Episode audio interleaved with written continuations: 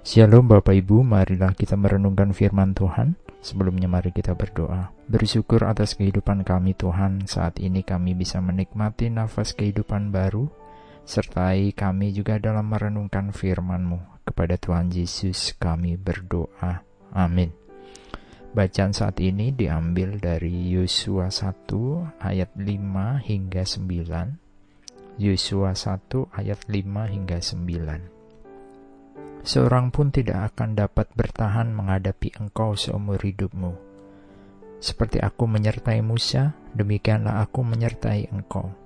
Aku tidak akan membiarkan engkau dan tidak akan meninggalkan engkau.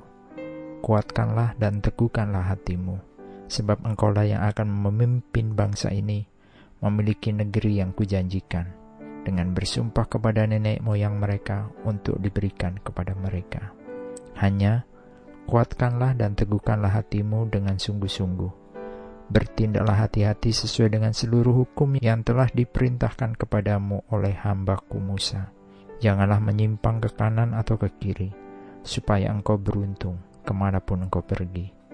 Janganlah engkau lupa memperkatakan kitab Taurat ini, tetapi renungkanlah itu siang dan malam, supaya engkau bertindak hati-hati sesuai dengan segala yang tertulis di dalamnya sebab dengan demikian perjalananmu akan berhasil dan kau akan beruntung. Bukankah telah kuperintahkan kepadamu? Kuatkan dan teguhkanlah hatimu. Janganlah kecut dan tawar hati, sebab Tuhan Allahmu menyertai engkau ke mana pun engkau pergi. Menjalankan tugas yang belum pernah kita lakukan mungkin akan membuat diri kita grogi atau takut, bahkan mungkin tidak percaya diri apalagi jika tanggung jawab itu adalah memimpin orang yang kita tahu sulit untuk dipimpin atau diperintah. Hal ini terjadi dalam diri Yosua. Yosua merupakan pembantu yang akrab dan setia bagi Musa selama 40 tahun pengembaraan di padang gurun. Hal yang dilakukan Yosua adalah sesuatu yang ditugaskan oleh Musa. Kebersamaannya dengan Musa yang cukup lama ini telah membentuk pribadi Yosua Yesua turut mengalami bagaimana cara Musa berkomunikasi dengan Tuhan, sehingga hal ini mempengaruhinya. Sebagai seorang yang dipenuhi oleh Roh Kudus, dia telah ditugaskan Tuhan sebagai pengganti Musa. Allah kini memanggil dia untuk menuntun umatnya memasuki tanah perjanjian. Keteladanan itu dapat dicontoh, bahkan keteladanan dapat mempengaruhi karakter seseorang. Yosua melihat dua sifat sekaligus, Musa dan umat Israel. Musa sebagai pemimpin yang mengandalkan Tuhan, dan bangsa Israel dengan segala ketidaktaatannya. Dua hal ini mempengaruhi Yosua. Sosok Musa yang senantiasa dipakai Tuhan menjadi kunci bagaimana Yosua harus bersikap kepada bangsa Israel ini. Tuhan pakai Yosua untuk melanjutkan rencana Tuhan. Yosua dipakai Tuhan untuk melanjutkan rencana membawa umat Israel ke tanah perjanjian. Tugas ini berat, tapi Tuhan memperlengkapi Yosua.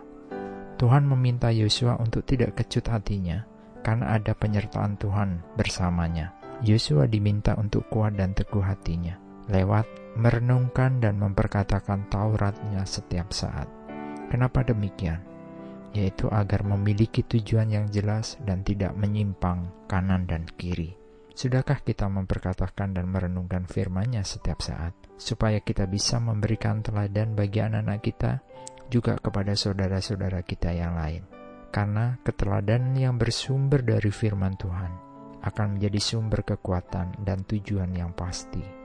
Dan firman-Nya membuat fokus kita hanya tertuju kepada Allah, sumber kehidupan, sehingga kehidupan kita akan disertainya.